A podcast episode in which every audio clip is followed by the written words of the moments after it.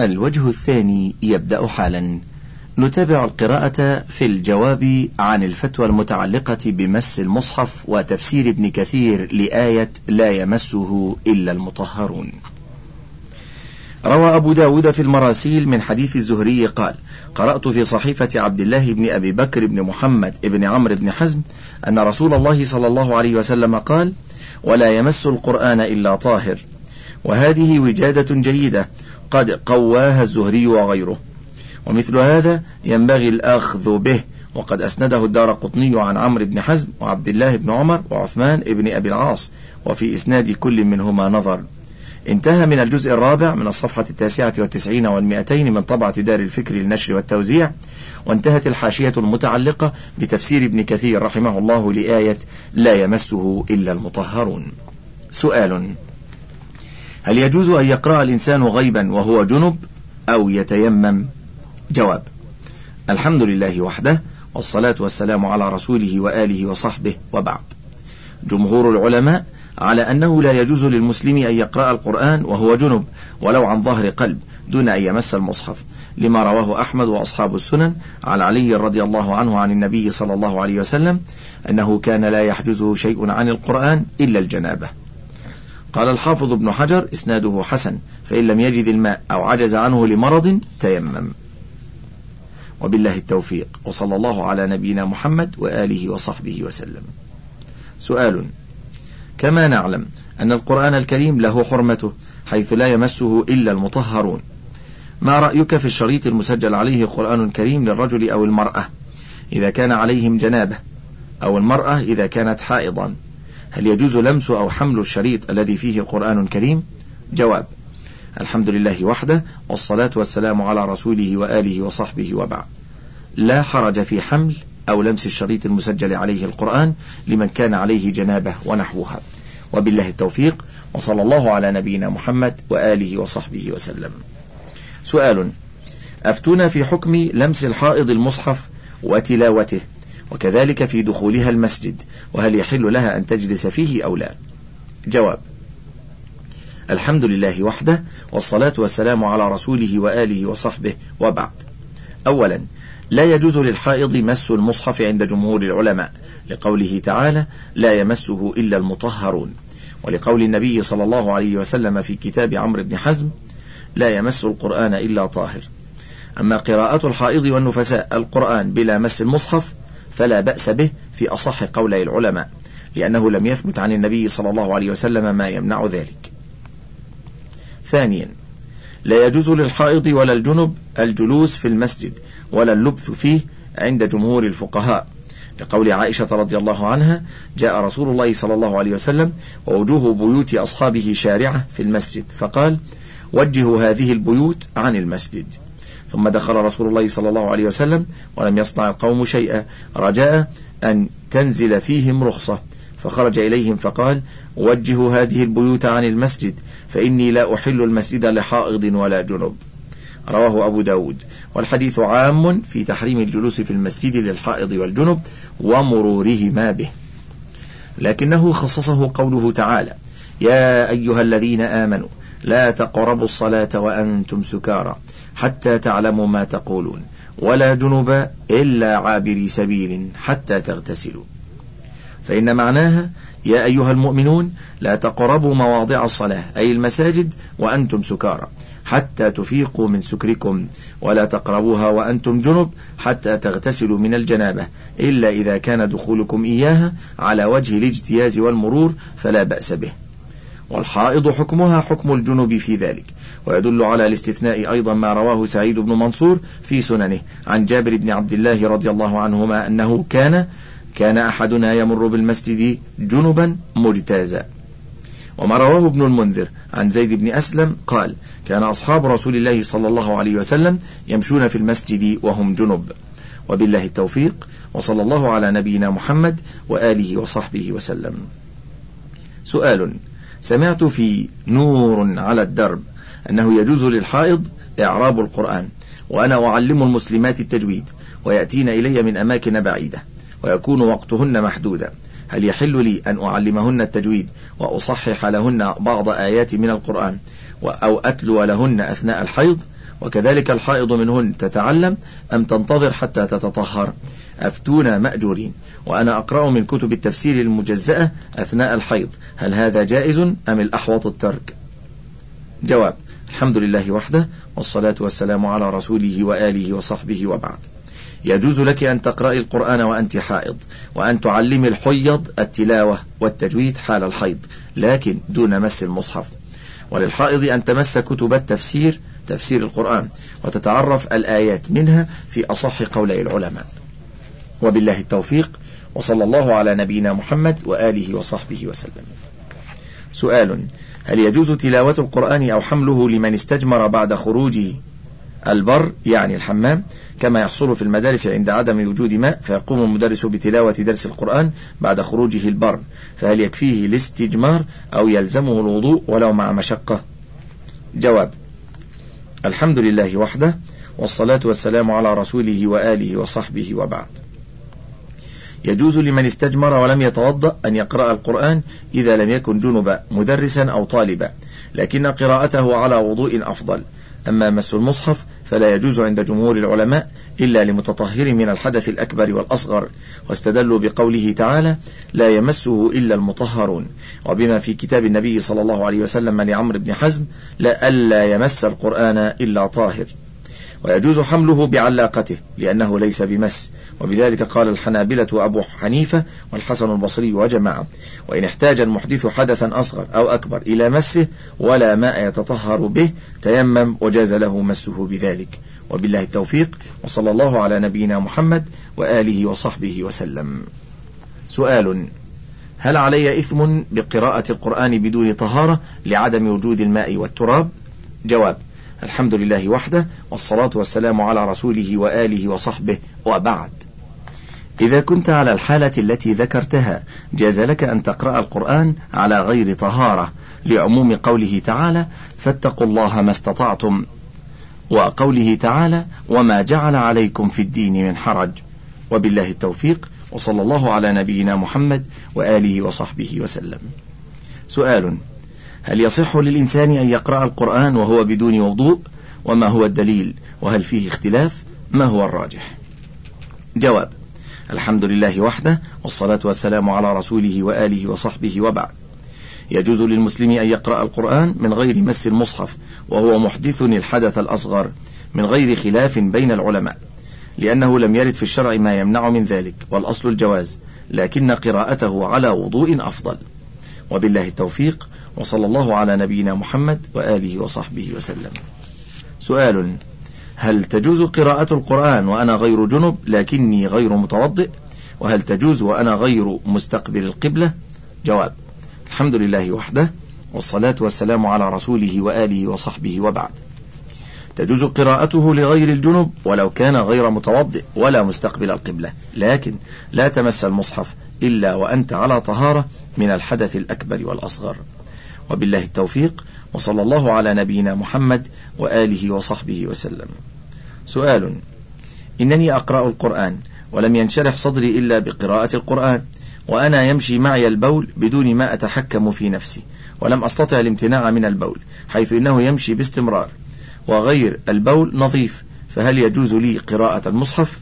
جواب الحمد لله وحده والصلاة والسلام على رسوله وآله وصحبه وبعد. إذا كان الواقع ما ذكر فلا حرج عليك بقراءة القرآن ومس المصحف وأنت على حالك المذكورة. ولا حرج عليك في الصلاة وحالتك ما ذكرت. لكن تستنجي وتتوضأ لكل صلاة بعد دخول الوقت ولا يضرك ما خرج من البول بعد ذلك. وتغسل ما أصاب بدنك أو ثوبك منه قبل الصلاة ولا يضرك بعد لو وجد معك في الصلاة. قال تعالى لا يكلف الله نفسا إلا وسعها وقال سبحانه وما جعل عليكم في الدين من حرج. وبالله التوفيق وصلى الله على نبينا محمد وآله وصحبه وسلم. رد السلام على القارئ. سؤال هل يجوز عندما يكون الإنسان يقرأ القرآن ويمر شخص ويرد السلام عليه؟ هل يجوز الامتناع عن القراءة وقطع القراءة ويرد السلام؟ جواب الحمد لله وحده والصلاة والسلام على رسوله وآله وصحبه وبعد. يرد السلام على من سلم عليه ثم يعود للقراءة جمعا بين الفضيلتين. وبالله التوفيق وصلى الله على نبينا محمد وآله وصحبه وسلم. سؤال إذا دخل الإنسان المسجد وصلى تحية المسجد وعلى يمينه أو يساره رجل يقرأ القرآن هل يسلم عليه أو يتركه؟ لأنه إن سلم عليه خشي المسلم أن يضيع على القارئ حضور قلبه للقراءة ويأثم المسلم. وإن لم يسلم ربما يكون في قلبه عليه حزازة. ورآه ما سلم. والنبي صلى الله عليه وسلم يقول أفشوا السلام بينكم. كما في الحديث وربما أن القارئ ما يعلم أنه ما ترك السلام إلا خشية أن يضيع عليه حضور قلبه. فأيهما أفضل يسلم أو يتركه؟ ويسلم إذا أقيمت الصلاة. جزاكم الله خيري الدنيا والآخرة. وأمد في عمركم. آمين. جواب الحمد لله وحده والصلاة والسلام على رسوله وآله وصحبه وبعد. السنة أن يسلم عليه لما جاء في الأحاديث الصحيحة من شرعية السلام والمصافحة عند اللقاء. وبالله التوفيق وصلى الله على نبينا محمد وآله وصحبه وسلم. سؤال إنه في يوم من الأيام في صلاة الظهر كان الجماعة في المسجد وكان فيه شخص يقرأ في الصف الأول في المسجد وإذ بشخص آخر دنا من حوله وصلى ركعتين تحية المسجد. ثم سلم وأراد السلام ومصافحة الشخص الذي يقرأ القرآن ومد يده عليه لكي يصافحه.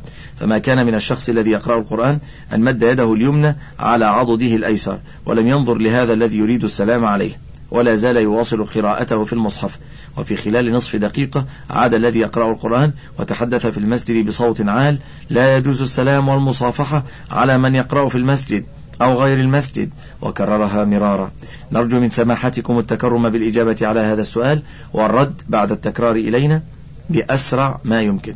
مع تكرم سماحتكم إعلان ذلك في الوسائل الإعلامية ليكون البعض على يقين بعدم التخبط بإجازة محرم أو تحريم حلال. حفظكم الله. جواب الحمد لله وحده والصلاة والسلام على رسوله وآله وصحبه وبعد. يجوز بدء قارئ القرآن بالسلام وعليه أن يرد السلام لأنه لم يثبت دليل شرعي على المنع من ذلك.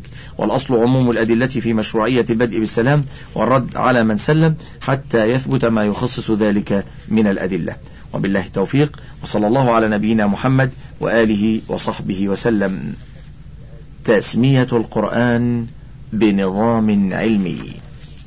سؤال خطب خطبة ممتازة يشكر عليها. وكان هدفها المرأة ما لها وما عليها وحدودها الشرعية وحقوقها وكانت مثيرة جدا. وفي أثناء الخطبة قال وهو أول نظام علمي. فهل القرآن نظام أو شريعة؟ جواب الحمد لله وحده والصلاة والسلام على رسوله وآله وصحبه وبعد. الأولى أن يسمى القرآن بما سماه الله به في كتابه من كونه شريعة ومنهاجا وذكرا وموعظة. أما تسميته نظاما فلم يرد ذلك في الكتاب ولا في السنة فيما نعلم.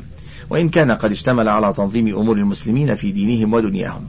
ولكن الاقتصار على أسمائه التي سماها الله وسماه بها رسوله صلى الله عليه وسلم أولى وأحوط. وليس هو أول نظام كما قال الإمام المذكور بل قبله كتب سماوية أوضح الله فيها ما يحتاجه العباد المنزلة عليهم كالتوراة والإنجيل والقرآن أشرفها وأعظمها وأكملها. وقد قال سبحانه وتعالى فيه ونزلنا عليك الكتاب بيانا لكل شيء وهدى ورحمة وبشرى للمسلمين. وبالله التوفيق وصلى الله على نبينا محمد وآله وصحبه وسلم. حكم إقامة مسابقة لحفظ القرآن. سؤال ما الحكم في أخذ جوائز في مسابقة لحفظ القرآن؟ وهل يجوز إقامة مسابقة للنساء في حفظ القرآن؟ ويقومن بالتسميع للجنة تحكيم من الرجال؟ أم هذا الأمر بدعة ومثار فتنة؟ وهل أصلا يجوز إقامة مسابقة في هذا المجال؟ جواب الحمد لله وحده والصلاة والسلام على رسوله وآله وصحبه وبعد. لا حرج في ذلك ولا فرق بين الرجال والنساء في هذا الأمر. ولا حرج. وعليها ألا تخضع في القول لقوله سبحانه وتعالى يا نساء النبي لستن كأحد من النساء إن اتقيتن فلا تخضعن بالقول فيطمع الذي في قلبه مرض وقلن قولا معروفا. وأن تكون محجبة التحجب الشرعي ولا يكون في ذلك خلوة بأجنبي. وبالله التوفيق وصلى الله على نبينا محمد وآله وصحبه وسلم.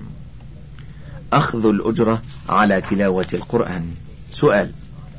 حافظ للقرآن يصلي بالناس أو يقرأ للميت بأجرة يستوفيها قبل القراءة فهل يجوز ذلك؟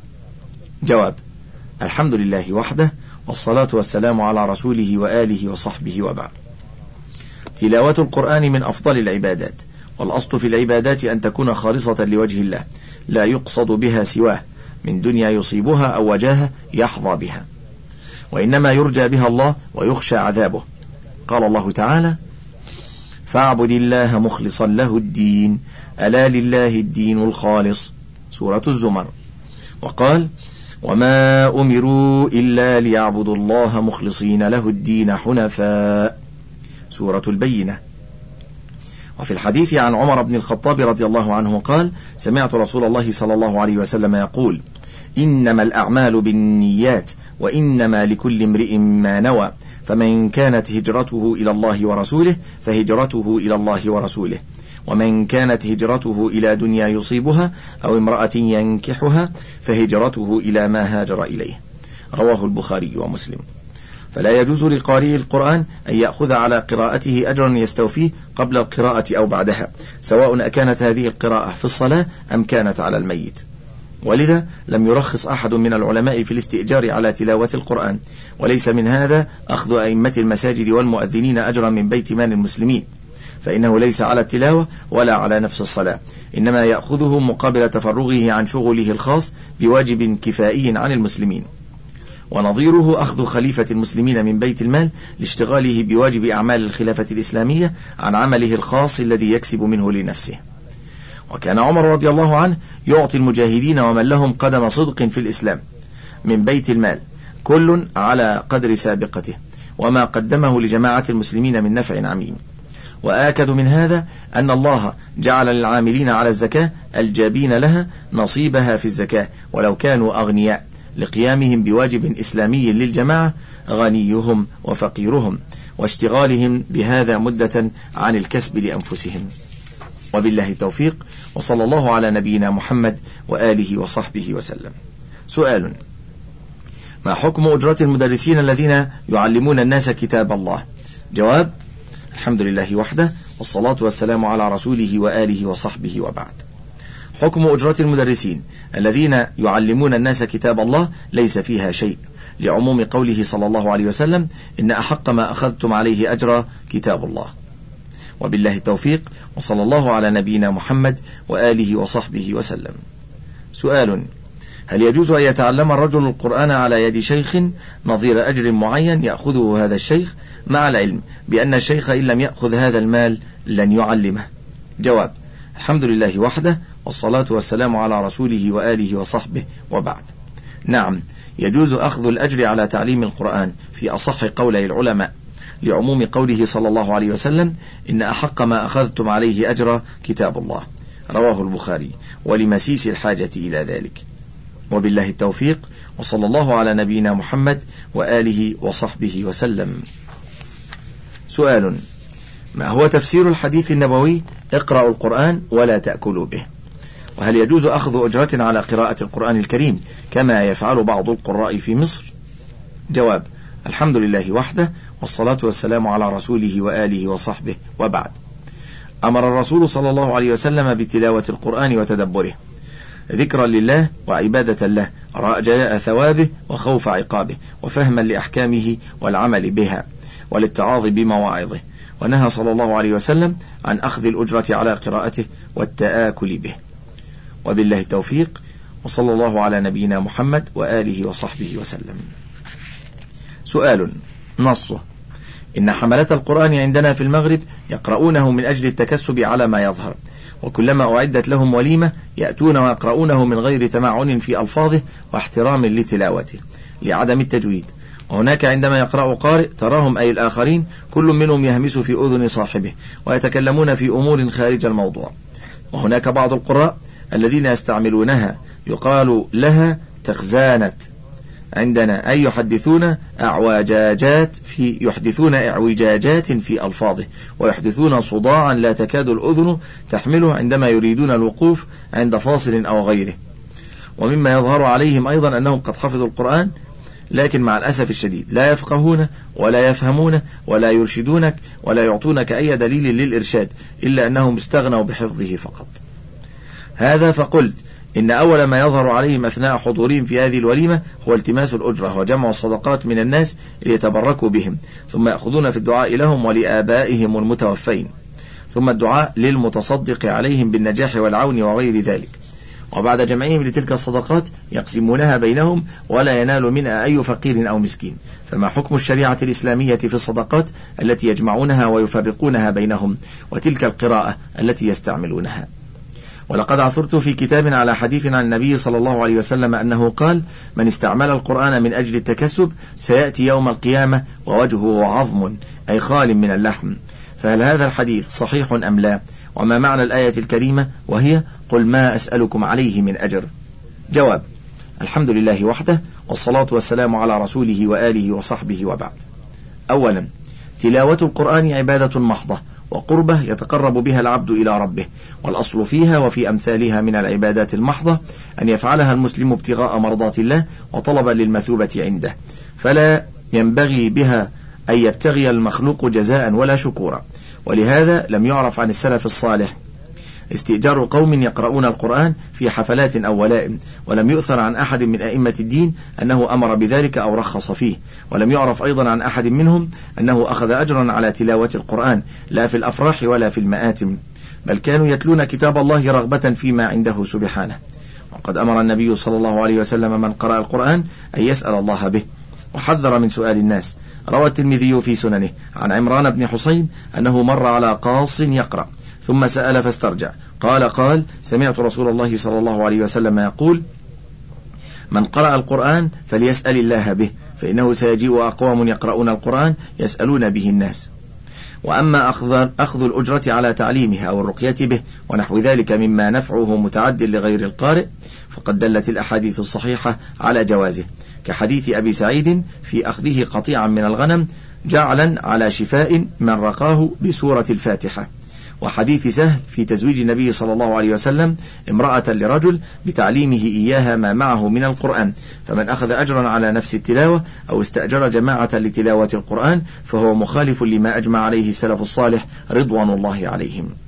ثانيا القرآن كلام الله تعالى وفضله على كلام الخلق كفضل الله على عباده وهو خير الأذكار وأفضلها.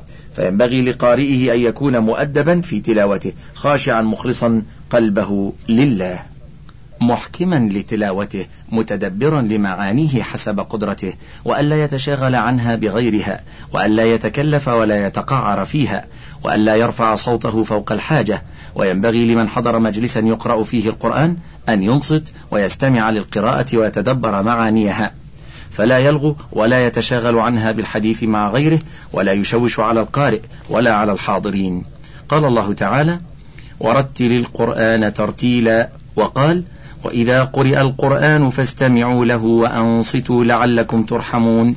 وقال واذكر ربك في نفسك تضرعا وخيفة ودون الجهر من القول بالغدو والآصال ولا تكن من الغافلين.